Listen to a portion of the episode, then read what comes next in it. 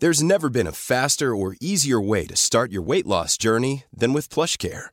PlushCare accepts most insurance plans and gives you online access to board-certified physicians who can prescribe FDA-approved weight loss medications like Wigovi and Zepbound for those who qualify. Take charge of your health and speak with a board-certified physician about a weight loss plan that's right for you. Get started today at plushcare.com slash weight loss. That's plushcare.com slash weight loss. plushcare.com slash weight loss. Since 2013, Bombas has donated over 100 million socks, underwear, and t-shirts to those facing homelessness. If we counted those on air, this ad would last over 1,157 days. But if we counted the time it takes to make a donation possible, it would take just a few clicks. Because every time you make a purchase, Bombas donates an item to someone who needs it. Go to bombas.com slash ACAST and use code ACAST for 20% off your first purchase. That's bombas.com slash ACAST, code ACAST. Hvordan er det å være kommentator i Norges største avis, som leses av nesten to millioner brukere hver dag? Og er man fortsatt kommentator når man lager podkast i stedet? Det lurer vi på denne uka, Svein Tore. Og vi får svar, eh, for det er, jo, det er jo det som er hele poenget i dag. At vi får gode svar fra gjesten vår. Mer om Anders Giæver og hans podkast Entourage snart, men eh, først er jeg litt av runde. Dette er jo starten på året for Tut og Ja. Godt nyttår, da, alle lyttere. Godt nyttår, Svein Tore. Ja. Og da føler jeg alle lurer på hvor lenge skal vi drive og si det til folk. Så eh, til deg som hører på, dette var det siste. Første og eneste gangen i år. Nei, men dette var det Nå slutter vi å si godt nyttår. Nå Ja. vi møtt folk. Det er den første og siste gangen vi sier godt nyttår. Hør Ja. etter, da! Ja, ja, ja, ja. Du driver med telefonen Nei, din. det Hva er Nei, det du fordi holder at på jeg skal lese opp noe for deg. Ok. Eh, hva var det siste vi sa i 2023? Det siste vi sa. Ja, Ha det? Eh, ja liksom Eller siste poenget vi hadde? Eller? Ja. Vi avslutta vår Ja. siste episode med å si at uh, At vi skulle fortsette? En, nei, Nei, send ja. en hyggelig melding Ja, uh, til noen som ikke forventer det. Ett minutt før midnatt. det sa du. Det sa, ja, det sa kanskje jeg. Ja. Og rett før det så snakket vi om at eh, du hadde møtt en av dine tusen nærmeste venner eh, på byen Ja. eller julebord eller noe sånt. Som hadde- påpekte at man ikke jogget når man hørte på Tut og Mennesker. Ja, Han skjønte ikke hvorfor jeg drev og refererte til det hele tiden, og det ville han ha seg frabedt. Det gikk ikke an å liksom, være på løpetur og høre på oss. Nei. Nå, så nå skal jeg lese noe for deg. For okay. jeg fikk nemlig en melding. Okay. Ett minutt før midnatt Nei, du tuller. på eh, lille nyttårsaften. På lille Ja, det var lille, da. Altså, han, vedkommende gidder jo ikke å sitte ett minutt på tolv på nyttårsaften og tenke på meg, liksom. Ja, Eller på Man vet aldri, men ok. Nei. Ett minutt på. Ja, og så veldig morsomt poeng. Han sendte den ett minutt på, skrev at du sa jo det, så her kommer en melding, liksom, som du ikke hadde venta. Veldig koselig. Jeg elsker når folk har sånne details i Ja, men er dette noe sine. veldig privat? Nei, Nei, nei, nei, ok. det er til oss. Litt sånn uh, hyggelige greier og sånn. Og så kan man løpe og høre på Tut og mediekjør, sier han. Ja! Å? Jeg har meldt meg på maraton neste år igjen. Selvskryt osv. Og, så og en helt sentral del av treningen er podkast, og dermed Tut og mediekjør. Dere var med på 21 km løpetur i dag, og jeg ser frem til å ta dere med mil etter mil på øret i 2024. Dere var for øvrig eh, med som en trofast sliter- og følgesvenn på vei til maratondebuten min i september i Oslo. Så ja, man kan løpe og høre på Tut. Ja, det er Så det vil jeg at du skal hilse og si til din eh, venn. Ja. At uh, det er da bekreftet. Det trenger jeg ikke, for han hører på akkurat nå, så nå fikk han det rett i fleisen. Tusen takk, kjære lytter, for Mangfold. den uh, meldingen. Mangfold blant uh, lytterne våre. Ok. Men du, vi Ja. runda året med en sånn KI-prat om kunstig intelligens. Ja. Og så har det slått meg at eh, denne uka her har det vært veldig mye KI-prat. Nå er jeg allerede lei. Ja, nå begynner vi snart På Nå er vi, nå er vi lei. morgennyhetene på NRK og sånn. Det så, jeg, du veit jo hvor fort jeg blir lei av ting, men Ja. nå, nå er vi vel litt lei. Sånn er det. Eh, men det har jo handlet veldig mye om denne uka om fotografiet. Altså AI-manipulerte, eller hva man kaller det, AI-genererte bilder osv. Har det vært mye prat om Ja. i pressen og mediebobla. Ja, for det var, eh, har vært et par sånne bildetabber mm. denne uka her. Altså. Ja, en fra Sørlandet. Ja, NRK ble jo lurt eh, til rundt av eh, et reklamebyrå som heter Mavericks, som, eh, som publiserte altså Jeg tror NRK ba om sånn innspill når det var sånn snøkaos nede på Sørlandet. Leserbilder ba de ja, om. Vi, Mm. Send oss bilder. Og så var det et byrå som var litt snartenkte, da, så de bare 'nå skal vi se om de går på', liksom. Ja, og det handlet også om at mediene har sagt at vi har eh, liksom et slags nå en metode for å avdekke om det er fake eller eh, Ja, osv. videre. mediene påberoper seg på en måte at eh, 'kom til oss', for da vi, vi sjekker at ting er ekte. Riktig. Så da vet du om det er ikke sant? Om Så det de sendte inn et bilde, late som det var fra en dame i eh, bikini. En fager og flott eh, dame i gul bikini som står ute i snøværet. Og publiserte det, og så videre. Og så gikk byrået ut etterpå og bare ha-ha, NRK, vi lurte dere. Dette var et uh, KI- eller AI-generert bilde. Det var litt gøy. Ja, det var litt gøy. Det som var enda gøyere, på sett og vis, var at TV 2 skulle skrive om at NRK hadde begått en bildetabbe. Og så skulle de da, på en TikTok-video, så skulle de skulle de sitere hun som er da sjef for NRK Sørlandet, som da heter Inger-Lise Hansen. Så søkte de på Google eller i Scanpix, og så fant de Inger-Lise Hansen.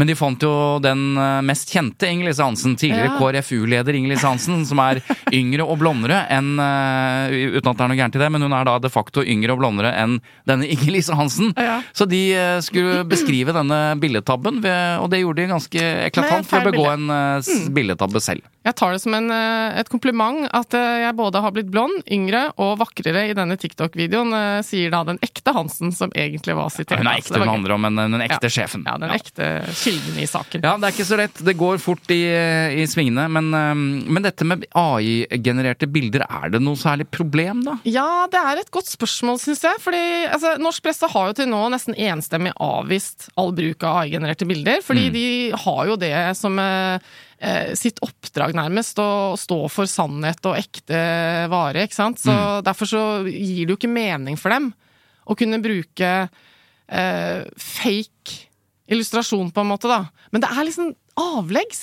Litt gammeldags holdning, er det ikke det? Fordi de, de mener jo at det er å forvrenge sannheten, og, og det gjør at vi ikke kan stole på det vi ser og sånn.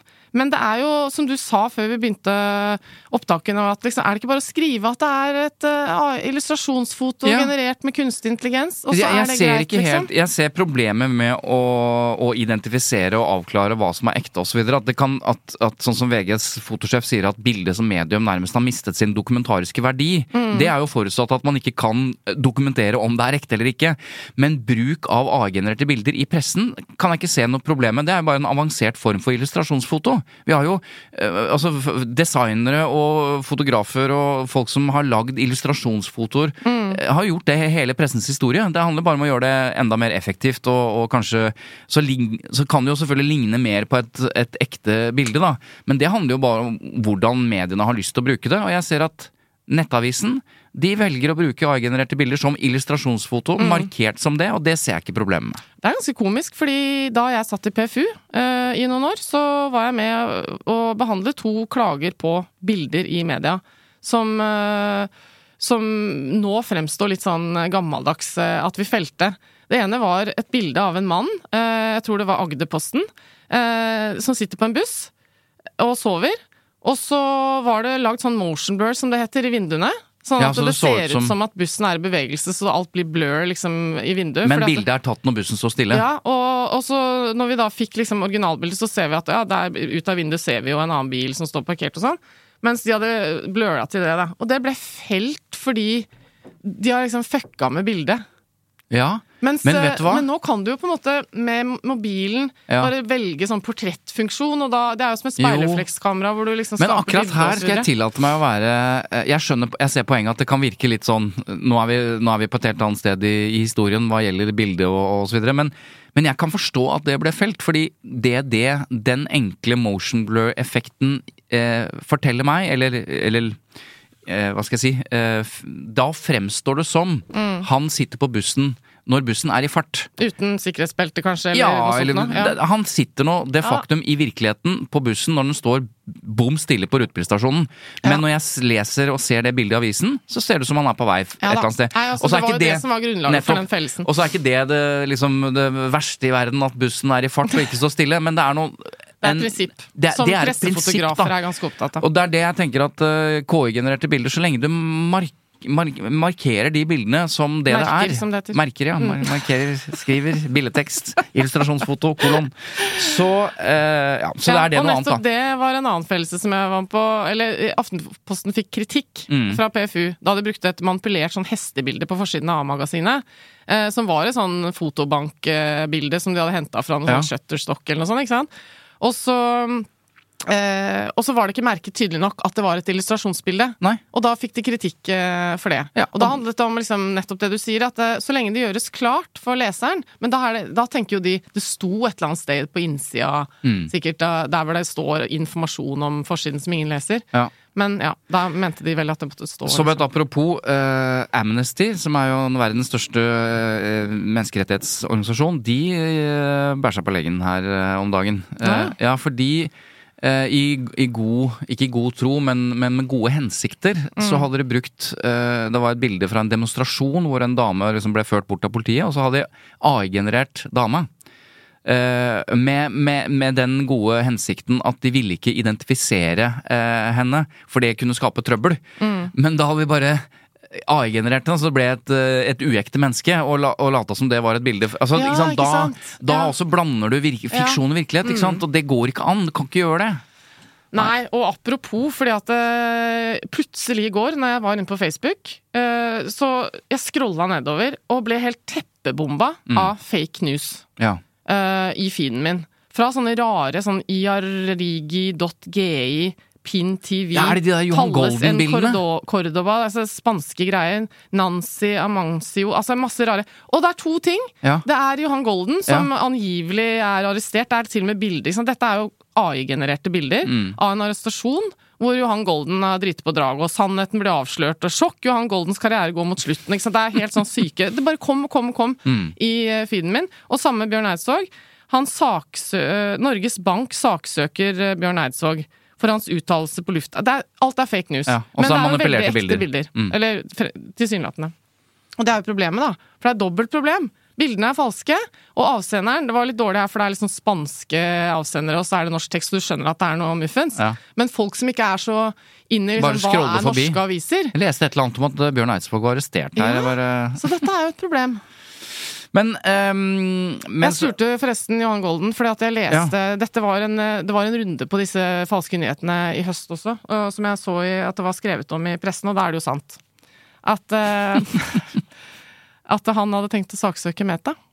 Ja. Altså de som På er grunn av disse bildene? Ja, Ja. fordi at de må jo faen meg stoppe fake news, liksom. Er du sikker på at han skal saksøke Var ikke det en annen sånn eh, fake news-sak litt Ja, lenger ned? kan, nei, men det sto i avisa. Det sto i redaktørstyrt medie. Så, da må det være sant. så jeg spurte han Golden, og han sa at eh, ja, eh, NRK har anmeldt på vegne av meg, Mm. mente han. Fordi at ikke sant, det å saksøke Meta, da har du fulltidsjobb eh, Da- i et års tid, tror jeg. lykke til! Ja, og blir eh, ganske mye fattigere.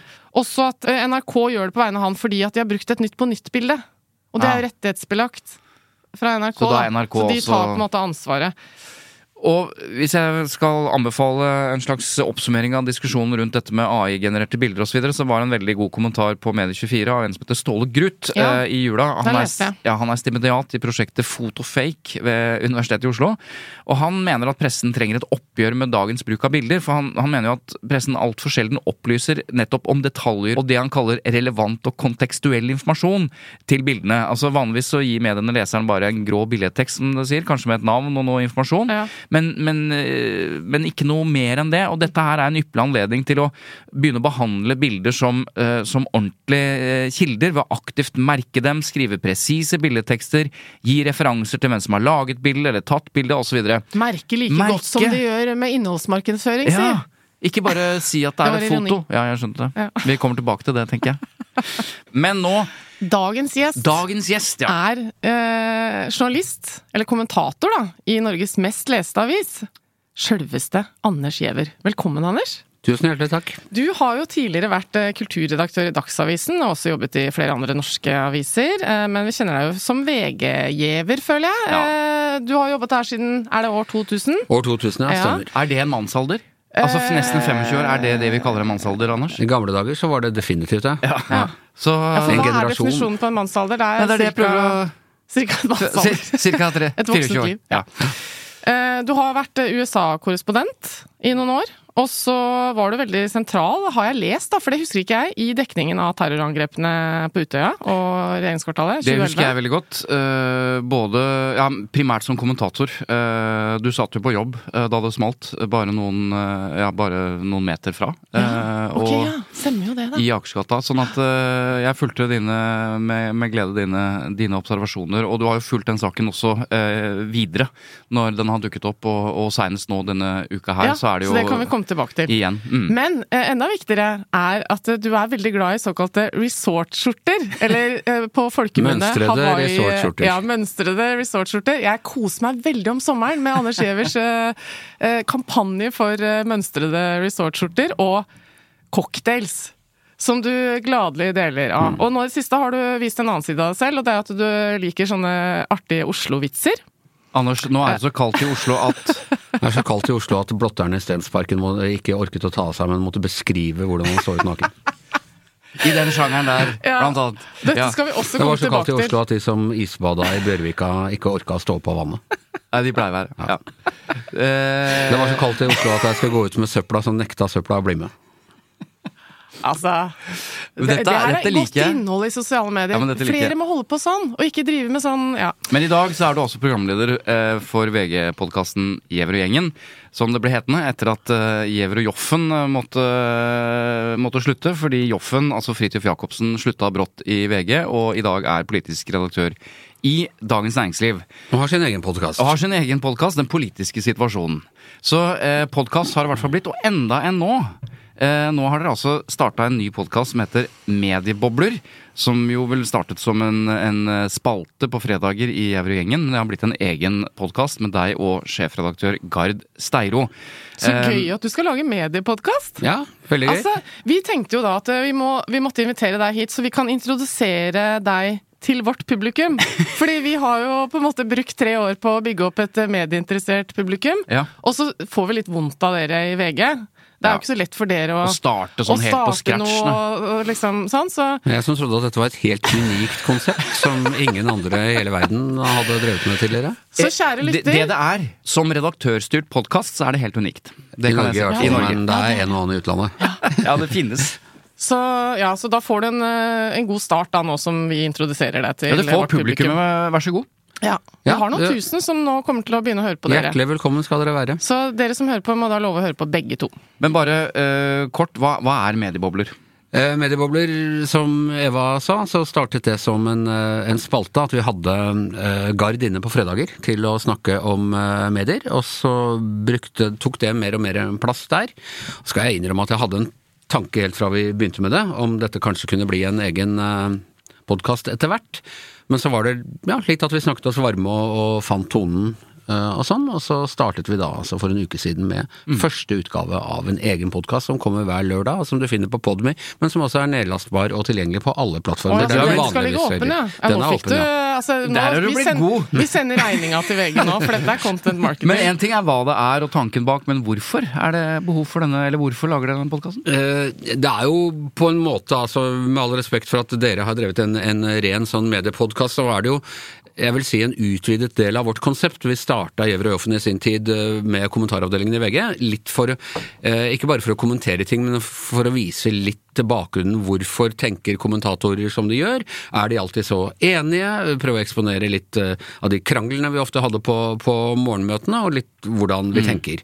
Og dette er jo en slags utvidet versjon av det, da. Altså hvorfor gjør vi som vi gjør i VG? Hvorfor tar vi de valgene vi gjør? Er det alltid den eh, Vi blir ofte beskyldt for å ha en voldsom sånn korpsånd i, i VG. Er vi alltid eh, så enige? Den, altså, Men eh, bare så det er sagt, da, selv om jeg hadde litt sarkastisk tone nå, så var jo det med kjærlighet. Fordi jeg vil jo si at eh, du har jo valgt deg den beste til å være makker i den podkasten. Gard Steiro er jo veldig flink til å snakke om disse tingene. Vi har hatt han som gjest mange ganger. Vi ringer Mange han jo. ganger. Han er vår go to eh, når det kommer til sånn eh, Ring en som vi vet at svarer, og svarer bra. Og det, I. VG er han jo veldig god på den interne kommunikasjonen rundt disse spørsmålene. Ja. Han har et uh, nesten daglig sånn kvart på elleve-møte hvor han står med en diger powerpoint-presentasjon og, og går gjennom ting. Han sender ut et ukebrev, så jeg tenkte egentlig at dette var et potensial for videre Ok. eh, større publikum, da. Men Det det, det, det grunner jo i en, eh, en eh, skal vi si, en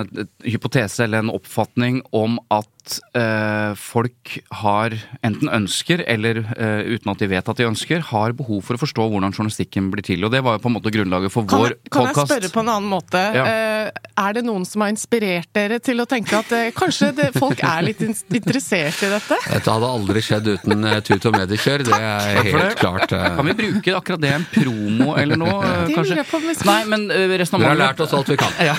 Det Resonnementet mitt var som følger at da vi starta, så var, så var det utgangspunktet. Eh, med min bakgrunn som 15 år som journalist, så vet jeg at eh, når jeg kommer på fest og sier jeg er journalist, så er det sånn Først mye kjeft, og så litt nysgjerrighet. Hvordan er det egentlig? Ja. Og hvorfor er de sakene? Hvordan jobber Så eh, når vi starta podkast, og med dine 15 år i PFU, som på en måte er 14, ja, pre presse, presse eh, Pressens faglige utvalg, så var det jo nettopp en, en idé om at vi må i hvert fall forklare presseetikken, og så er det kanskje ti episoder, og så er vi ferdige. Men så, så begynte vi å få tilbakemeldinger om at ja, spørsmål om hvordan dette her er. Men, men la meg spørre deg. En eh, felles venn av oss, og en veldig mye bedre venn av deg, Eirik Mosven, en legende i VG, nå politisk redaktør i Oslo-avisa.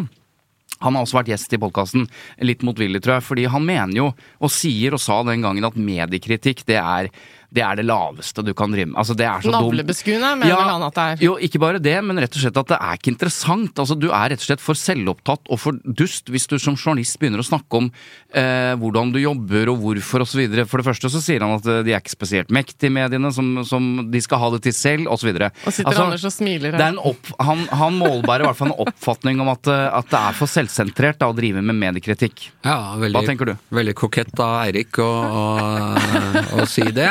Eh, nei, altså Til en viss grad så, så er jo det riktig. At det er, eh, mediene er veldig eh, opptatt av seg sjæl. Men det er også noen utenfor mediene som er opptatt av mediene, og det er det publikummet vi henvender oss til. Og så har det nok vært litt sånn at man har møtt all kritikk med en litt sånn mur av arroganse. Og hvis man senker garden litt på det, så tror jeg kanskje flere vil eh, være interessant. For du er jo omgitt av medier hele tiden. Det har jo ikke akkurat blitt bedre de, de siste Siden nettet kom, så er du, du har det på uh, telefonen og, og på øret og absolutt overalt. Så det er liksom litt som eh, man ikke skulle kjørt eh, filmkritikk eller litteraturkritikk eller mm. Ja. Jeg mener jo også at det, det er viktigere enn det noen gang har vært å forklare hva som ligger bak journalistikken, nettopp for å bidra til den opplysningen om forskjellen mellom medier og alt det andre vi har på telefonen. Da. Nettopp, så du har Ja. fått en helt annen ny type utfordring også, som er ja. Og så merker jo vi, har jo vi merket på henvendelser Vi trodde jo også litt at hvem er det som er interessert i dette? Det blir en sånn eh, bransjegreie. Medie24 er bransjebladet på nett. Dette blir en slags bransjepodkast, tenkte vi, med redaktører, journalister osv. Det det viser seg, er at de, i hvert fall de tilbakemeldingene vi får, er stort sett bare fra folk som trodde de ikke var interessert i hvordan mediene og journalistikken ble til. Og det det har, jo, det har jo gjort at vi har holdt på i eh, såpass lenge, er nettopp at det er folk som syns det er spennende å høre hvordan eller i hvert fall forsøksvis vi forklarer, da, og med gjester, bruk av gjester, hvordan ting eh, funker, da. Men jeg lurer på, Anders, hvordan blir dette formatet? Er det sånn, Blir det overskrifter, en runde rundt bordet, noe dere lurer på denne uka, en hovedsak, og så kanskje en gjest, litt fokus på presseetikk? Hva, hva er minner om- konseptet? Minner om et eller annet. Ja, ja. der skal vi der. Nei, du, altså for det første eh, Hele konseptet vårt helt fra starta er at vi går i studio med ikke altfor mye forberedelser. Og nå er det etter hvert blitt veldig sånn Podkaster er veldig sånn konseptutvikla og litt sånn demografisk testa, Ja. og man, man lager et eh, konsept som, eh, som man, eh, man skal gjennomføre. Og jeg har, eller i hvert fall vår podkast har liksom vært laget på helt andre måten. At vi, vi gikk i studio med en sånn eh, gul Post-It-lapp med noen stikkord, og så snakket vi rundt det. Nå er det, blir det litt sånn fordi, eh, tro det eller ei, men Gard har andre ting å gjøre også enn å sitte og prate med meg i det podkaststudioet. Han sitter liksom ikke bare og, og tvinner tommerne på kontoret sitt. Så jeg har eh, begrenset eh, tilgang til ham, og det må skje i løpet av den halvtimen, timen mm. en gang i uka. Så når vi får eh, Vi vil gjerne ha gjester, og sånne ting, men vi kan ikke basere oss på at vi hver gang har en eller annen sensasjonell eh, gjest eller noe sånt. Noen ganger kommer vi bare rett og slett til å sitte som vi gjorde i den spalta på fredager, han og jeg, og bare Ja, snakke gjennom eh, Ja. uka. Andre Ja. ganger vil vi kanskje ha fått en sånn ønskegjest som vi kan eh, sitte og prate med. Ja. Dette lyder kjent, for så vidt. Ja, og for alle dere som har en podkast i magen, for det er jo en del podkaster der ute, Ja. så er det jo det er jo tips, kan vi jo avsløre, at eh, det er lett, lettere å ha gjest, for at da bærer jo ofte gjesten eh, episoden. Kan du sitte og tenke på noe annet mens du prater Ja, med gjesten? Ja, i hvert fall bare skriv skli på et bananskall, og liksom, det går som regel bra. Men, men, men det, det store jobben er jo å booke gjester. Ja, det er, det er ganske mye det jobb. sier som Ari Kalve, det folk ikke veit, det kommer ikke arbeid som ligger bak En slik Nei, det er sant. Det er sant. Men eh, jeg lurer på en ting. Altså, det som jeg har lagt merke til allerede eh, Vi er faste lyttere av Gjevrud-gjengen, og det jeg la merke til ganske tidlig, eh, eller i hvert fall på enkelte episoder da denne spalten dukket opp, var at det virket på meg som et, som et helt sånn genuint oppriktig engasjement fra din side når du stiller spørsmål til din egen sjefredaktør, ansvarlig redaktør, at, øh, og, og du har også tilkjennegitt øh, uenighet med, med redaksjonelle beslutninger. Det virker som du på en måte Jeg vet ikke om det er om det er alderen eller hva det er, men et eller annet som gjør at du klarer i større grad å sette deg litt på utsiden og stille kritiske spørsmål til din egen organisasjon. Er det bare Det er min observasjon. Hva, hvordan opplever du Altså, det? jeg tror nok definitivt det med alderen. Jeg er blitt så gammel at eh, jeg har ikke noen annen fremtid i avisa. Jeg trenger ikke, trenger ikke å tenke så, så veldig taktisk. Og jeg er blitt litt han derre eldre fyren på disse kvart på elleve-møtene som uh, gneldrer om gamle dager og, og, Mm. Det er litt ting. sånn det blir. Bernt Olufsen også ble litt sånn Ja, men De fleste gjør jo når de er ferdig, og da er, det, da er det ikke så interessant når, når gamle folk sitter i Holmenkollåsen og fyrer av på Facebook om alt var så jævlig mye bedre før i tida. Ja. Det er litt mer interessant når det pågår en når det er en kontinuerlig diskusjon i det mediehuset. Så Ja. Du sa alderen, men hva andre ting er det du har liksom reflektert Nei, rundt? altså, øh, jeg har krangla hele livet. Uh, jeg krangla da jeg gikk på ungdomsskolen, og så gikk jeg på forsøksgym i Oslo, som var en ordentlig sånn krangleskole. Og så starta jeg jo som musikkjournalist, og det var jo Vi gjorde jo ikke annet enn å krangle, og det var, gikk på en tørre nevene innimellom. Uh, så dette ligger Og, og så har jeg da vært altså, kommentator øh, og sånn, så at dette ligger litt i øh, eh, blodet mitt, og så syns jeg det er morsomt, og, og, og jeg klarer ikke helt å holde kjeft eh, på sånne møter mm. hvis, jeg, hvis jeg er uenig. Noen ganger må jeg liksom bare mm, knipe igjen munnen. Og da å få det privilegium å få lov til å sitte med sjefen mm. og gi uttrykk for, eh, for den uenigheten, og ha en så raus sjef som er villig til å eh, ta dette i uh, plenum og la alle andre få holde på, det, det syns jeg er et veldig Ja, det, stort jeg privilegium. syns det fortjener en liten sånn Ja, det er dette vi, det, vi eh, heier på dette. Vi heier på hver eneste gang mediene eh, evner å reflektere rundt sin egen makt og sin egen posisjon. For det er som du antydet i stad, det har jo ikke vært det har jo ikke vært standard at mediene har liksom ønsket kritikk eh, og mediekritikk og velkommen, alltid. Jeg har Det ikke trengt imot- det. altså Da jeg startet som journalist, du fikk et eller annet sint brev på noe gærent du hadde skrevet, Ja. så kunne du eventuelt gi det til han i lesebrevspalta og se om han ville trykke det, eller så kunne du bare kaste det, liksom. Det var, Og det, Men er det ikke sånn at det skaper mer tillit?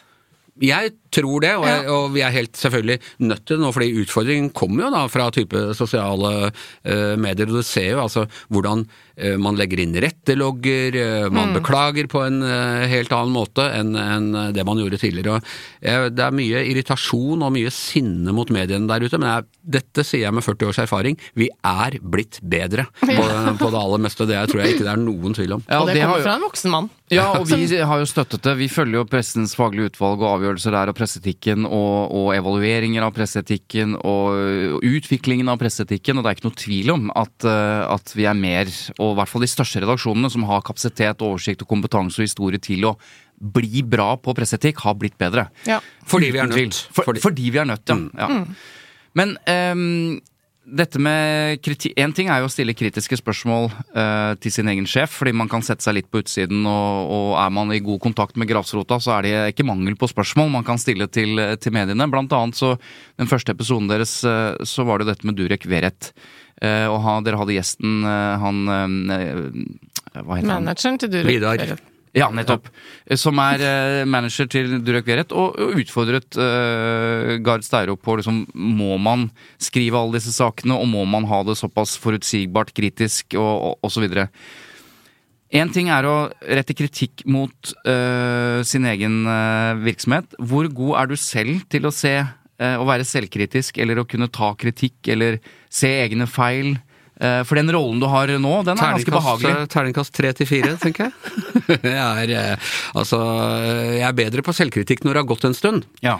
Jeg vet ikke om dere hørte det, men vi hadde jo eh, Hilde Sandvik eh, i studio eh, for noen uker siden. Eh, da ba jeg om unnskyldning for en kommentar jeg skrev i 2015. Ja. Men Hvis det du får er litt jo, tid på deg, så- Ja, så gi meg ti år! Ja, og den saken handlet jo, bare for å oppklare det, du, du skrev en, en kommentar som kanskje ikke du tenkte så mye på, men som rammet Hilde Sandvik, som var da den gangen kommentator i, i Hun hadde skrevet en kommentar om Finn Skårderud. Nettopp. Ja, og så skrev jeg en kommentar om hennes kommentar. Eh, og så har mye skjedd eh, siden den tid, og så hadde vi henne da i, uh, som gjest, og så ba jeg om unnskyldning For for hun stilte spørsmål ved en del av de tingene som nå har kommet opp i det siste. Ja, som hans makt og hans posisjon og så videre. og hans metoder og Ja. Ja.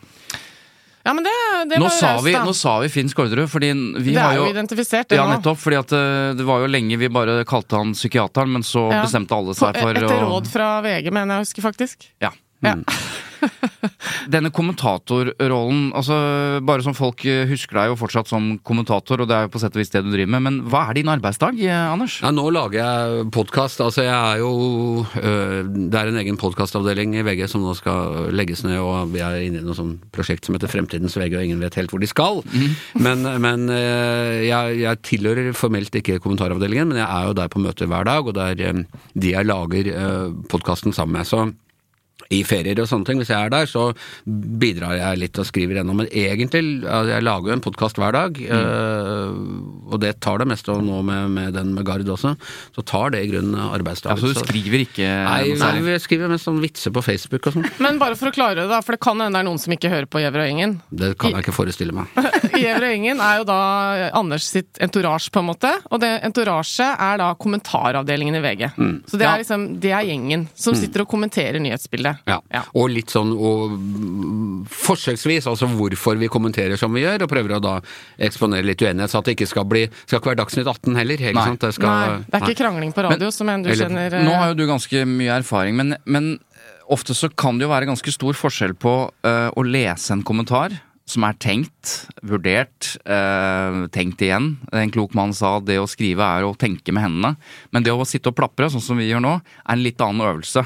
Eh, og noen ganger så kan man jo bli litt skuffet når man har lest eh, liksom sylskarpe analyser av VGs kommentatorer, og så øh, hører man de prate, og da er det ikke nødvendigvis så Skjønner du hva jeg mener? Det er ikke så genialt nødvendigvis, og jeg snakker jeg av egen hørt- erfaring, altså. Jeg har hørt dem prate hele veien, jeg, så jeg, Nettopp. jeg, for men, meg er det men forskjellen av å kunne bidra med opplysende kommentarjournalistikk muntlig kontra det å sitte og skrive en kommentar, ja, det, er sant, forskjell, faktisk. det er Man, forskjell på man det. blir litt mer naken.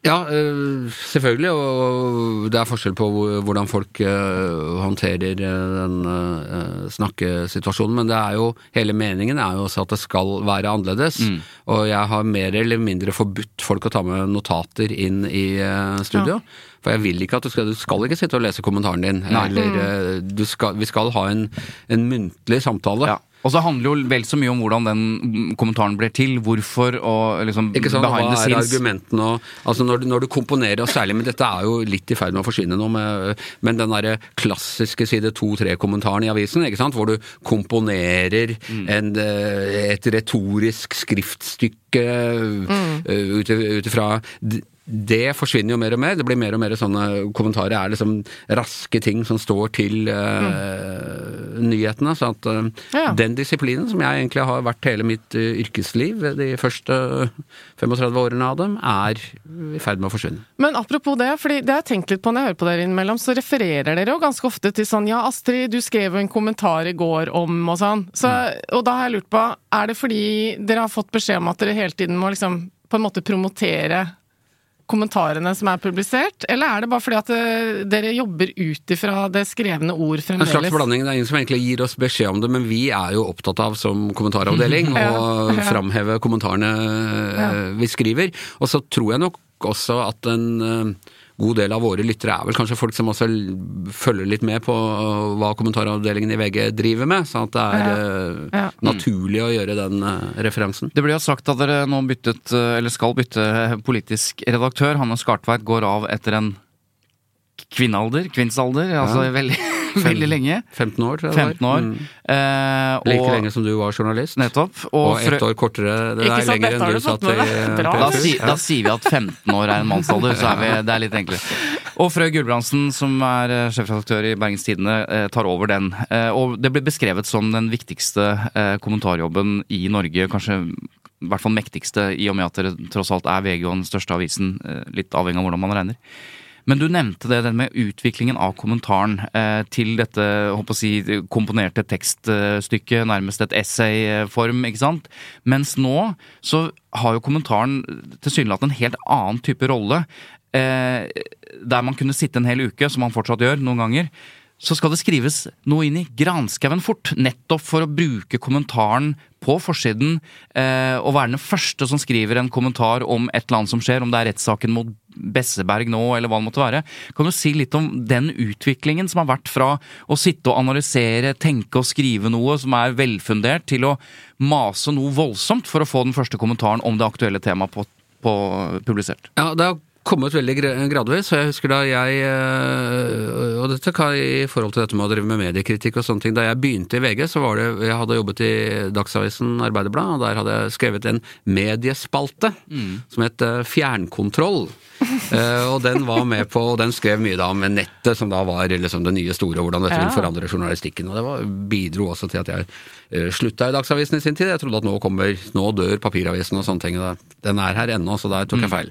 Men uh, i hvert fall da jeg husker jeg begynte i eh, VG, så var det sånn at VG begynte da å ha Det hadde hatt en eh, ukentlig mediespalte, og det samme hadde da Dagbladet. Andreas Wiese, min gode venn og kollega, han hadde vi hadde liksom hver vår. Men VG i enda større grad gjorde sånn ja, man kan ikke vente helt til fredag med å skrive om dette, man må skrive om det nå. Så da hadde vi en sånn tospalter. Eh, satt til de forskjellige nyhetene. Og det var min første utfordring på det. Og jeg hadde vært vant til å gå og grunne på en sånn mediespalte en sånn uke. Og så oi, nå må jeg bare sitte ned og gjøre det Med en gang det er aktuelt. aktuelt, ja. mm. Og da var det jo, ikke sant, da skrev jeg og leverte den ut på kvelden, og så står den i avisen neste dag. Og så har dette da gradvis kommet til at vi da uh, må gjøre det på, på nettet og hele tiden. Så det har vært en uh, Altså, vi har fått opp farten, men det har skjedd uh, litt gradvis. Nettopp. Og da er det jo liksom Da flyter du på det du ofte du, Det er lov å kopiere seg sjæl, som jeg sier. Eller Men det brukes, unnskyld, det brukes jo også som en altså, Så vidt jeg har forstått når jeg har stilt spørsmål til redaktører som, og aviser som måler dette altså det er Altså Kommentarstoff er godt, det er godt lest når denne kursiven som kommer på forsiden av VG f.eks., og det er jo omtrent det formspråket alle bruker for å illustrere at det her er noen som mener noe. Det er Det tror jeg ikke folk tenker på.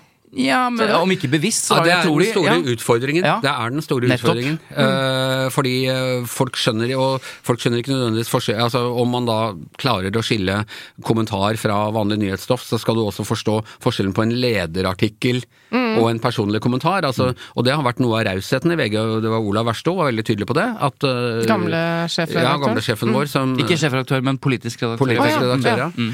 Uh, han var veldig tydelig på det at uh, på kommentarplass så er du en personlig avsender. Mm. Mens det som står på le- leierplass, det, det er avisens uh, mening. Ja, Dette- bare ta det. Ja. Leder er da den som står i papiravisa uh, på side to. Ja. Eh, og den skrives da av én i kommentaravdelingen. Formelt Men sett er det sjefredaktøren som Nei da. Ja, men den skrives Ja. av entourage. Ja. Én i, en, Og eh, den en i gjengen. eh, liksom gir uttrykk for avisens holdning, og alle aviser Ja. har jo en eh, plattform, en stiftelseserklæring, en, eh, et eller annet. Ikke sant? VG ble starta av hjemmefronten rett etter eh, Mm. krigen. Eh, noen av vi, altså Helt inntil da jeg begynte i pressen, var det liksom partipresse. Mm. Arbeiderblad, hvor jeg begynte, var jo eid av Arbeiderpartiet. Mm. Eh, og, og ga liksom Men så har man fortsatt det at man fortsatt liksom skal ha et verdigrunnlag man eh, snakker ut ifra. Så hvor eh, står VG politisk? Nei, VG har en Dette er det ikke alle som tror, men vi skal bygge bro over motsetninger. I hvert fall på kommentarplass. Ja, i, i politikken og sånn. Og vi, har, vi er veldig tilhengere av Nato. Mm. Eh, vi er tilhengere av norsk Israel? Nei da. EU-medlemskap. Ja, det har vært en ganske Israel-vennlig uh, avis. Mm. Uh, og, men den er ikke så Altså, der var nok Olav Verstå kanskje mer, eh, mer kritisk. Men eh, vi er eh, veldig for kongehuset, eh, og dette er jo hjemmefronten og, Mm. Og, og sånn. Så det er det vi får beskjed om hver gang Hanne drar bort, at eh, gjør hva dere vil, men ikke meld oss ut av eh, Nato, ikke krev eh, republikk, og eh, ikke si, at, ikke si nei til EU. Men det der med ja. utviklingen av eh, leder, altså institusjonen som lederartikkelen er, der den er jo tradisjonelt usignert, fordi det er avisas mening, og den skal på en måte illustrere et slags standpunkt, da. Med unntak av Morgenbladet som har initialer, var det ikke det? Eh, enten Klassekampen eller Morgenbladet har Morgenbladet initial- tror jeg er fu ja, de har full signatur. Ja, men er og da skjønner jeg ikke vitsen med leder, da kan det like godt bare være en kommentar. kommentar. Ja. Ja, men det, det er bare jeg folk som er skjønner forskjellen? Ja, men det er dette som er så interessant. At, altså, på en måte er det ikke så veldig komplisert. Nei. Er det et menneske som heter Astrid Mæland eller Anders Giæver som har signert en kommentar, så Ja. er det hun som analyserer Mener. Mm. eller mener noe om dette. Er det en usignert leder, så er det åpenbart en avsender som heter VG. Og da er det VG som Ja, mener dette. Det, mening, ja. Det er liksom ikke så komplisert som vi skal ha det til. Nei. Men poenget mitt var bare at eh, lederartikkelen er på vei ut. Altså det er flere og flere aviser som eh, har kuttet den helt VG ut. har den ikke hver dag eh, lenger. De, Nettopp. Er den Nei. på nett? Det har ikke jeg tenkt Ja, men den over. Publiseres jo på nett når lederartikkelen skrives. Men Nå, Jeg spør Anders. Å ja. Det er han som er gjest. Men du så på han, han må gi ham det. Eh, eh, hva var spørsmålet? Er den på nett? Så. ja, hva var det du spurte om? Publiseres lederen på nett? Ja. Ja, hva skal du høre.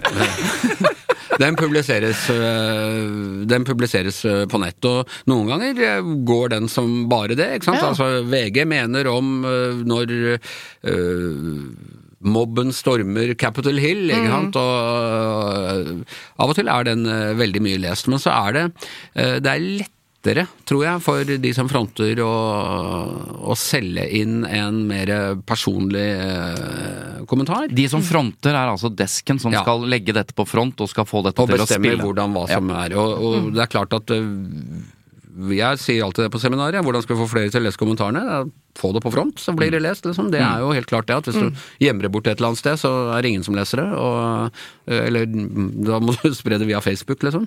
Men øh, Og det har vært noe av utfordringen. Og der er altså Jeg er gammeldags verdikonservativ dag. Jeg skulle ønske at vi hadde leder hver eneste dag.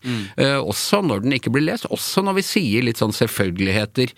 For det må det nesten bli. Ja. Altså, For det er litt historiens kladdebok-aktig, det da? At Ja, man og det liksom- er, ja, men altså, det skal på en måte ha protokollført uh, hvor avisen sto i eh, disse forskjellige sakene, også for å kunne holdes ansvarlig for det seinere. Men argumentene mot å ha VG, nei, leder eh, hver dag, uh, som jo nå er det flere og flere som ikke har det, det er jo at, at det blir en tvangstrøye, at vi må på død og liv mene noe om noe. Men det gjør Altså, det er jo kommentarer hver dag. Ja. Altså, det menes jo noe hele tiden, så Ja. hvorfor ikke Ja, apropos det. Du skriver jo ikke så mye kommentarer lenger. Men eh, nå, en vanlig kommentator, må man mene noe hver dag?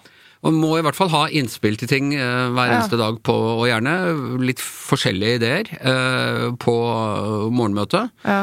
Eh, og så må vi jo, ikke sant, så har vi jo da en eh, lang smørbrødliste av nyheter som bør eh, kommenteres. Og så blir på en måte spørsmålet ja, en eller annen er ikke blitt publisert. eh, Er det vits i å trykke, eller publisere den nå? Altså, det, det er mange sånne ting. Men jeg tror nok de aller fleste sitter og skriver noe hver eneste dag. Så du våkner om morgenen når du er kommentator og sier sånn Jeg må mene noe i dag. Er ikke det litt slitsomt? Eh, ja, Det er jobben, da, men ellers... jeg bare spør, jeg. Altså, noen må vi snakke om, Svein Tore.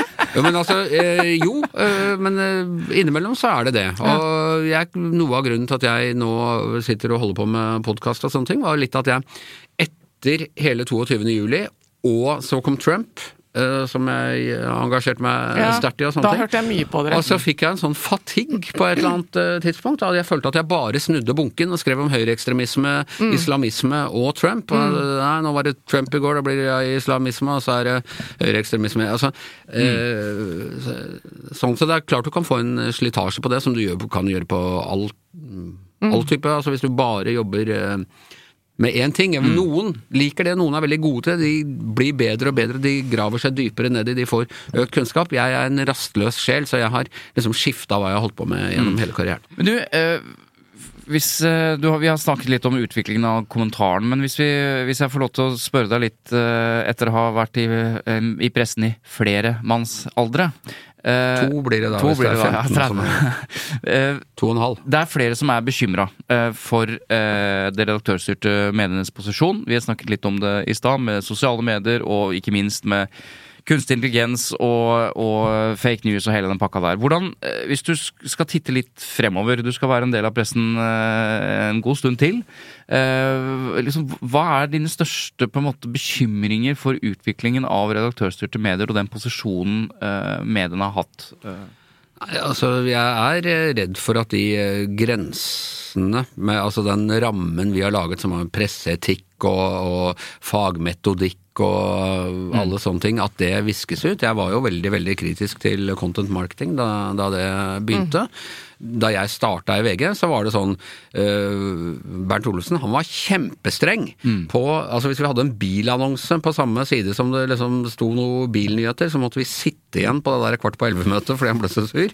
uh, og så plutselig var det dette her med content marketing helt, Helt greit. Og jeg følte liksom at uh, Norsk Redaktørforening, hallo! Ja. Uh, glad det ikke er naziokkupasjon her, liksom. Så fort som dere klarer å skifte Da jeg, da jeg satt i PFU også, var jeg jo veldig forbløffa over det, egentlig. Ja, da jobbet jo jeg i reklamebransjen. Ja, og og følte at jeg var den strengeste på For Ja. alle i avisen var sånn Reklamebransjen var strengere. Ja, men sånn er det jo, liksom. Hva ellers skal vi gjøre? Alle forsvarte hvis det var sånn eh, klage som kom inn om at uh, denne innholdsartikkelen ligner veldig på VGs eh, redaksjonelle stoff. Mm. Fordi alt er likt, fonten er lik. Altså, Ser jeg på forsiden, det er nesten ikke mulig å identifisere at det er reklame. Ja, ja, men sånn er det jo, liksom. Hva? Så, ja, men hva Eller, eller, eller som de egentlig mener, vi trenger penga, så Ja. hold kjeften på deg. Men jeg får jo, Ja, fordi jeg gikk såpass hardt ut av, og da hadde Ja. vi jo uh, Torry Pedersen var da uh, redaktør, vi hadde ham i podkasten, og, og jeg stilte litt kritiske spørsmål og sånne ting. Og så har jo dette kommet for å bli, og så blir jeg stadig konfrontert hver gang de har uh, partnerstudio og har gjort det bra og sånne ting. Så er det sånn, ja, og Gard sier litt sånn triumferende, Anders, hva sier du nå? Uh, men nå var det ikke det at jeg det var jo ikke frykten for at vi ikke skulle tjene penger på det som Nei, egentlig nei. drev meg, men uh, jeg skal ikke Jeg, jeg har helt klart måttet bare uh, akseptere at sånn er det, men, men, det er den utviklingen Hva føler du rundt det? Altså, hva Altså, er nå, problemet? altså, jeg syns de er veldig De er flinke eh, Mm. til å gjøre det. Jeg kunne tenkt meg et enda tydeligere skille, for Ja. jeg tar meg selv i plutselig å være langt inne i en uh, content marketing eh, Det er vel ikke det man kaller det lenger, men Innholdsmarkedsføring. ja, Innholdsmarkedsføring. Innholdsmarkedsføringsartikkel Eller, eh, før jeg liksom helt, eh, helt har fått det med meg. Mm. Men man har jo funnet en form på det. Det er klart at sånne eh, fundamentalister som meg blir liksom veldig mer katolske enn paven når vi argumenterer der. Altså, Men, men jeg syns det er viktig at du fortsetter det, for vi blir litt bedøvet. Eh, Og det som har skjedd, er at det ikke har blitt klarere skille. De har heller forandret Vær varsom-plakaten. Fordi Vær varsom-plakaten som det var, husker vi leste den, så det skal være et veldig tydelig klart Det er borte. De har forandret hva- Den siste endringen hva var det Som Groucho nå. Marx sier, eh, Ja. these are my principles, and if you don't like them, I have others. And now we have others når det gjelder innholdsmarkedsføring. Mm. Og det, Man kan akseptere det, og ja, det har vært viktig i tilskudd til medieøkonomien osv., men det, det er jo ikke sånn at eh, folk har blitt så veldig mye eller liksom flinkere til å skille mellom eh, innholdsmarkedsføring og sånn. Så ja, vi er blitt bedøvet. Ja, ja. Og problemet er jo litt det som du sier, Anders, at de er veldig flinke. Altså, de lager veldig bra Mm. innhold.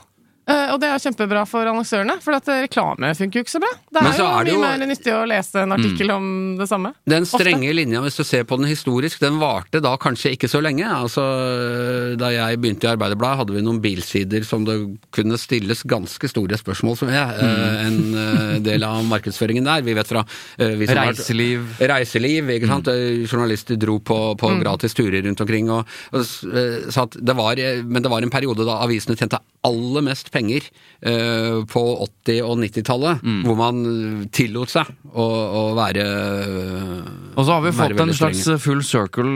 Jeg har litt sansen for hvordan hvordan Gunnar Stavrum i Nettavisen bare sa Vet du hva, det drives jo ikke journalistikk på reiseliv og shopping og bil, så vi bare, vi bare kaller det eh, mark. Reklame? Ja, Ja. Vi, kal, altså, vi kaller det ikke journalistikk lenger. Vi har noe greier på noen biler og noen reiser, men vi gidder, en vi gidder ikke engang å prøve å merke det som journalistikk, for det er ikke journalistikk.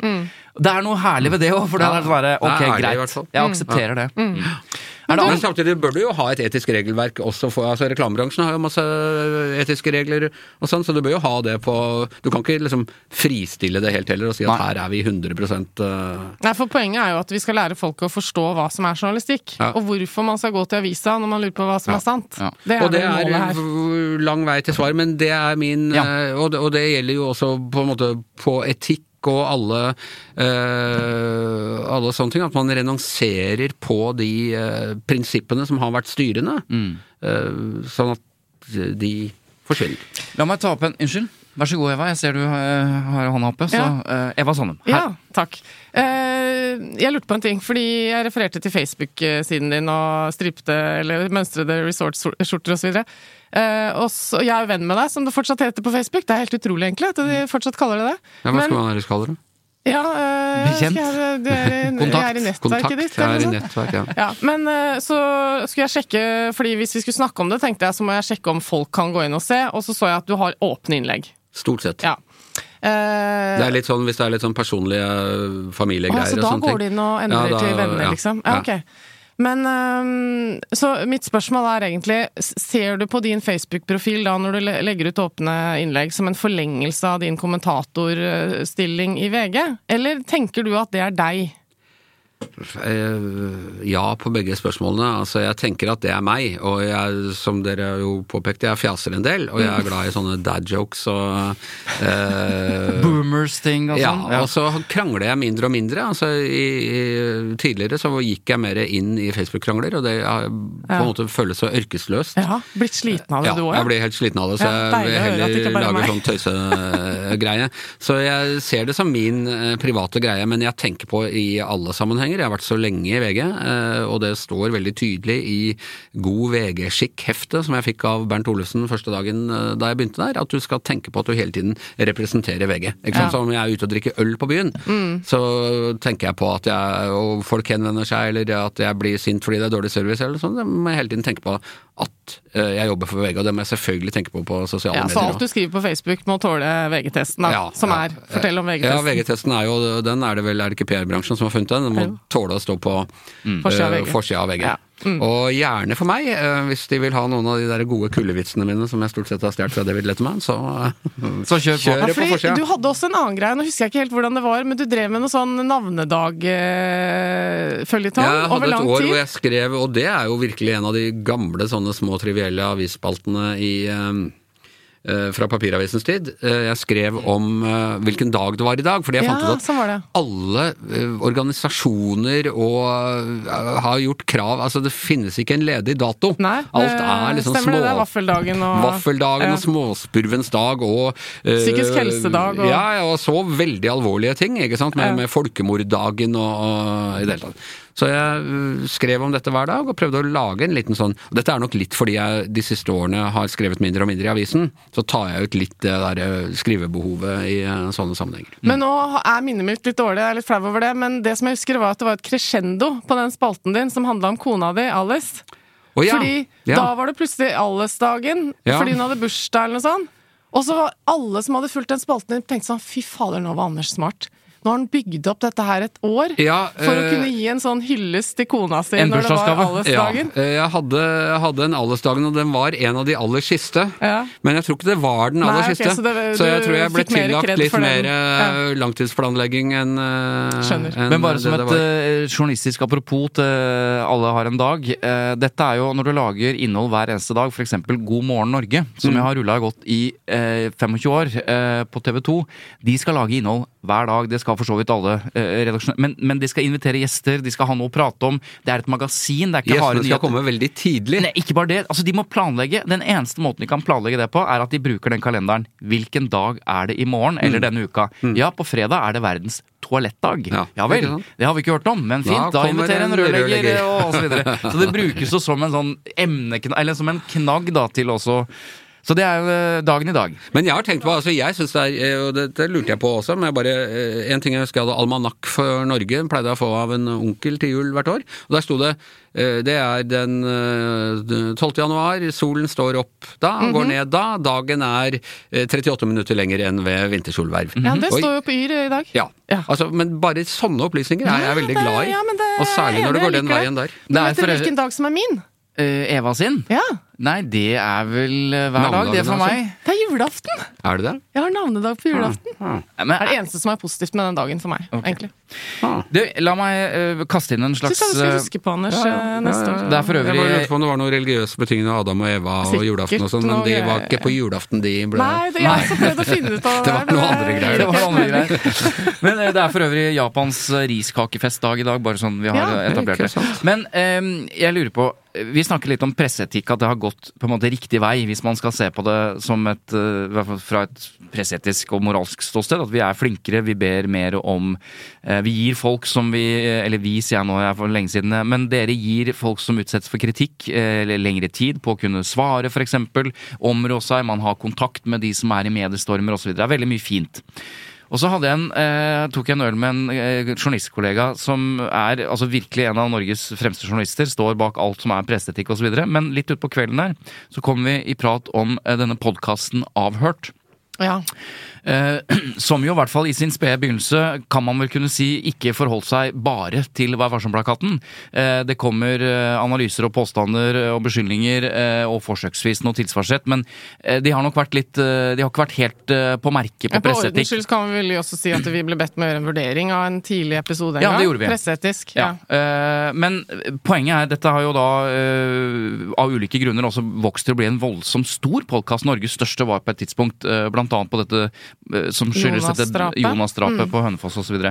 Poenget mitt er, journalistvennen min sa sånn vi har blitt så utrolig flinke på presseetikk. Er det ikke litt befriende at det er noen røvere som bare går rett til kjernen, lager saker vi er nærmest forhindret fra å kunne nesten ta i? Altså, eh, Avhørt lagde en podkast om eh, kongen av Kongsberg, og det kom noe voldsomt med opplysninger rundt denne mannen som aldri er dømt. Aldri dømt. Han er noe anmeldt eh, uhorvelig mange ganger. Riktignok av ekskona, de fleste, men uansett. Det er en sånn presseetisk helt umulig situasjon for å ta i for vanlige eh, medier. Men disse gutta her, eh, og han mente da, journalisten, at han likte det litt. Altså Det har blitt så strengt og blitt så eh, liksom A4-greier nå at vi kan vi, vi tar Det er mange saker vi ikke kan ta i, hvert fall ikke før vi har gjort voldsomt mye arbeid. Men de gutta, de bare kjører på og forteller røverhistorier. Hva tenker du om det, det Anders? bare ja. Jeg tror det er mange i bransjen som etter et par øl vil eh, underskrive på det, og det jeg, kunne jeg godt uh, gjort eh, selv, og det var jo mye mer cowboy da jeg starta på 80-tallet, og VG var jo kanskje den største cowboyavisen, og ble den suksessen den ble fordi man ikke fulgte alle de eh, normene som de andre gjorde. Og så kom jeg tror særlig Bernt Olufsen og klarte å institusjonalisere, på en måte pressa fortsatt, men hele tiden eh, tilpasset seg eh, presseetikken. Så nei, altså vi kan alle savne de gode, gamle Vill Vest-dagene, og, jeg- og jeg tror også at det er riktig. Av og til så tenker jeg at vi ikke burde hatt noe PFU. eh, At vi, eh, for ikke sant, Du har norsk lov, og så har du Vær varsom-plakaten som ligger godt innafor norsk lov. Men du Det er er si at og ikke jus. ja, ikke sant. Eh, og det er jo ikke eh, Av og til tror du liksom at hvis du blir felt i PFU, så har du på en måte skal du straffes eller noe Ja, sånt. de Det- fleste lurer på hva må de Hva betale. dom, betale. hva er dommen? Ja. Mens eh, jeg, jeg vet Roar Nerdal, journalistveteran på, på min alder, han eh, foreslo en gang, syns jeg, en god i hvert fall tankeeksperiment. Alle store aviser burde ha sitt eget etiske regelverk, og så en type ombudsmann, ikke sant, som sa Så at ikke For jeg mener, alt som er riktig etikk for VG, er ikke nødvendigvis den riktige etikken for eh, Glåmdalen, ikke sant? At, Men det har de jo. De, de fleste Ja, man- aviser har jo en egen slags Jo, men bare det istedenfor Vær varsom-plakat. Istedenfor? Vær varsom. Ja. Fordi det, det du kan få til, er at vi alle blir veldig flinke til å liksom akkurat limbodanse under, Ja, ja. eh, under grensa der. Uh, så, og at PFU på en måte blir en slags hvilepute òg. Ja, jeg skjønner hva du mener. Men jeg jeg vet ikke om jeg tror at det hadde vært uh, praktisk uh, gjennomførbart. Altså. Men uh, Det er en interessant tanke. tanke. Ja. Men eh, du sa at det var mer røvergreier før. Det er jo noe som har forandret seg fra den tiden du refererer til, nemlig at nå er det noen andre medier som hele tiden kan gå lenger. Det var det jo ikke før. Nei. Så det er jo en utfordring som må henge over dere hele tiden, at det, verden vet alt om det dere ikke får lov til å si noe om. Mm. Eksempel i saken om uh, Finn Skårderud, da, for nå uh, We call him by his name nå. Eh, så visste jo hele verden, føler jeg, i hvert fall de som, ganske mange, hadde lyst til å at det var snakk om Finn. Skårderud. Mm. Og det sto på eh, Jodel sikkert, og liksom alle mulige sosiale medier og sånn. Mens avisen var sånn eh, Psykiateren eh, som ingen kjenner'. kjenner. Altså, er ikke det litt irriterende? Min favoritt i det, den der, det var jo den kristne avisen Dagen, som under hele Treholt-saken, helt fram til den dagen han ble dømt, bare kalte ham en tidligere byråsjef i Utenriksdepartementet. Ja, Men det er prinsipielt, ikke sant? Men det var eh, Ja. Men den, den biten liker jeg, for det signaliserer noe om at det er ikke riktig eh, å identifisere noen. Man har tatt et standpunkt, og det kan få noen rare utslag. Vi har nevnt flere ganger at man kan sitte i Dagsnytt 18 hvor den ene redaktøren sier eh, psykiateren, og den andre sier navnet, fordi man har uh, vurdert dette ulikt. Men men jeg, jeg er ikke så opptatt av at man eh, Altså, man kan aldri Vi kan begge to mimre om gamle dager og cowboy osv. Det var eh, litt annerledes. Men det jeg er mer redd for i den eh, slagsiden presseetikken kan gi, det er at man ikke At det er saker som, som ikke blir tatt i, og som ikke blir fortalt, og ikke blir gransket fordi fordi det presseetisk på en måte ikke er gangbart ennå. da. Og da kan vi også gå glipp av noe. Vi kan rett og slett bare, som du, du kalte det, en hvilepute. At det rett og slett blir en hvilepute. At ja, presseetisk så er det ikke innafor, så da tar vi ikke i det. Og da vil jo nettopp sosiale medier Podkaster uten eh, de helt strenge eh, rammene for presseetikk. Da blir det de som forteller historiene. Ja. Eh, og, og, og det er ikke bare sånn side... Altså det er ikke bare 200 stykker som hører på. Avhørt, som vi snakket om, ble Norges største podkast. Avhørt er jo også delvis da på vår plattform. Eh, Og det er en annen Det er veldig eh, utfordring, interessant. for der er det jo en redaktør Og der er det jo veldig et sånn paradoks som at noen er, ligger under eh, VGs redaktøransvar, og noen gjør det ikke. Og da kan du begynne å altså Vi skjønte det ikke engang. Altså, hva publikum får med seg av hvor, hvem som er ansvarlig og hvem som er redaktør for det. Og bransjebladene forsøkte å finne ut hvem er egentlig redaktør for uh, Avhørt. Det tok, en, det tok litt tid. Ja. Og jeg vet ikke om det er noen i det hele tatt som har tatt på seg redaktøransvaret. Ja, nå kom jeg på det! Eh, Batong Media. Ja, Det er, jo utgiveren av. Avhørt, Ja, og da vil man jo tro at den som er ansvarlig for Batong, eh, er også redaktør for Avhørt. Ja. Da er det fastslått. Ikke sant. Men uh, det er jo litt interessant, fordi jeg tror kanskje at uh, vi også er å finne på Podme, Skipsted sin Nå skal jeg sjekke det, det ja, har jeg ja. aldri gjort. Altså, dette Fordi er jo plass en plattform, med mindre dere har sånn helt reservert dere mot å være der. Så, skal jeg bare sjekke om jeg jeg hadde veldig glede av noen Mimir og, og Marsdal eh, da de kom, og dette er jo mine gamle frenemies, de jeg krangla mye med da Ja, ja, ja. jeg krangla på Facebook. Og eh, så, så syns jeg de lagde en veldig kul podkast, og så sa jeg, reklamerte jeg for den på Facebook-sida mi, og så, sa så la jeg link 'hør dem på Podme', fordi jeg syntes det var gøy, Ja, sånn, ja. Ja, har gøy å at, eh, ha at de skulle komme på Skipsteds plattform. Kan ikke huske at du har eh, reklamert for oss. Kanskje jeg ikke har gjort det, for å gjøre jeg det denne, denne episoden. Nå kommer ikke, nå kommer ikke utenom, for å si det sånn. Men Det er ehm, grunnen til at vi har invitert deg, Anders. Ja, ja, Vi vil ha ditt nettverk òg. Ja, ja, ja. Da skal, jeg, da skal jeg Hør på dem på Podmer, skal jeg si. vi, skal, eh, vi skal avslutte, avrunde. Men jeg lurer på en ting før vi sender eh, Anders av gårde. Du har jo vært i situasjoner hvor det er sånn, det skjer noe, du er kanskje på et landsmøte, et eller annet politisk eh, happening, og så glir det over i noe middag, og så blir det noe vin og øl og sånn, og så på et eller annet tidspunkt så går middagen over i en fest, og så etter festen Hvor så går den dette? over Hvor i et? Nachspiel. Hvor går grensen for, eh, i din logikk for når du kan slutte å være journalist og kunne referere til alt som blir sagt? Er det liksom når, Er det, nach- er det nachspiel? når eller er skjer den Altså, jeg er ganske streng på at uh, hvis folk tar kontakt med meg i en situasjon så at det blir et slags kildeopphold, så Selv om det er sånn uh, halv fire, sånn Du, Anders, jeg bare sånn på Ja, der har jeg ikke Det er mange år siden jeg egentlig var borti en, den type paradoks. Jeg føler at Ja. folk rundt meg er ganske flinke. For det første så går ikke jeg så veldig mye ut lenger, Mm. så jeg havner ikke så mye i de situasjonene. Uh, Og så føler jeg at jeg har vært journalist, og det har vært kjent at jeg har vært journalist såpass lenge at folk er nok litt forsiktige med å si altfor mye. Men jeg, nå tror jeg de har fått nye regler i Stortinget, men da jeg gikk på Stortinget øh, mest aktivt øh, på 80-tallet, så hadde de sånne rare regler om at politikerne kunne sitte og si akkurat hva de ville ved bordene til øh, I stortingskantina. I stortingsrestauranten, og så hadde du ikke lov til å det beskrives jo i Makta-serien ganske ja, godt. Ja. referere, det var helt vilt. Jeg satt og hørte toppolitikere der sitte og snakke dritt om hverandre på en måte som var helt sånn Ja. sjokkerende. Jeg tenkte hvorfor er ikke dette forsidestoff, liksom? Men ja. Det var sånn det var. Men for å avslutte litt på dette med habilitet og nettverk nettverk og, og vennskap. Og vi er jo, du er riktignok uh, noen år eldre enn meg, men gjennom et langt liv i denne Oslo-gryta, i kombinasjonen med media, politikk osv., så, videre, så får man jo uh, i disse jobbene et ganske stort nettverk. Og så kan man ikke skrive om det hver gang, at jeg, by the way, jeg er venner med den og den og den. Jeg sier det hver gang det er snakk om noe sånt i podkasten. Jo, og det var litt av mitt uh, poeng. For at jeg, jeg, tenker jo av og til at den derre habilitetsdiskusjonen og dette kursivgreiene nederst har altså, hvor, hvor skal det på en måte ende? Jeg, jeg, jeg er jo for åpenhet, eh, at folk skal vite bakenforliggende osv. Men i bunn og grunn så, handler, så må det jo handle om enhver journalists eh, vurdering. Dette er en venn eller en bekjent eller en tidligere venn, men nå har han dritt seg ut som toppolitiker eller som administrerende direktør. Jeg velger å skrive om det. Jeg er journalist. Jeg må vurdere den avstanden på sett og vis i min egen jobb. Og, og grunnen til at jeg sier det, er jo at Men problemet er jo da i det øyeblikket hvis du da øh, Han har fått masse kjeft, jeg innrømmer at han er en gammel venn, men maken til hederskar, og det er ikke så ille det han har gjort. Hvis du skriver det, så er jo, blir det litt verdiløst. Det gjør det, men, men, men, det er der jeg mener vurderingen bør kicke inn før. Da, da kan du ikke skrive det. Altså, poenget er at du er, er altså, Ingen vet hvor nær jeg er egentlig med en del av de menneskene jeg kaller bekjente eller venner. Det, kan, det handler om privatliv osv. Så, videre. så det må jo være din og enhver journalist og kommentators egen oppgave å vurdere det primært selv. Og sånn, er, jo jeg, habilitet, sånn er jo habilitetsregler. Du skal jo generelt, eh, Det skal jo politikerne være det som er. Ja. Det er derfor de har måttet gå i hopetall nå, fordi de ikke vurderte sin egen habilitet på rett måte. Ja, ja, men det er jo en utfordring med det, da. Altså, habilitetsvurderingen må handle om ø, faren for at noen tror at du er inhabil. Vi hadde mye diskusjoner om det da jeg satt i Pressens faglige utvalg. fordi det Er sånn, er du inhabil eller ikke? Og så blir du spurt selv føler du, mener du at du er inhabil.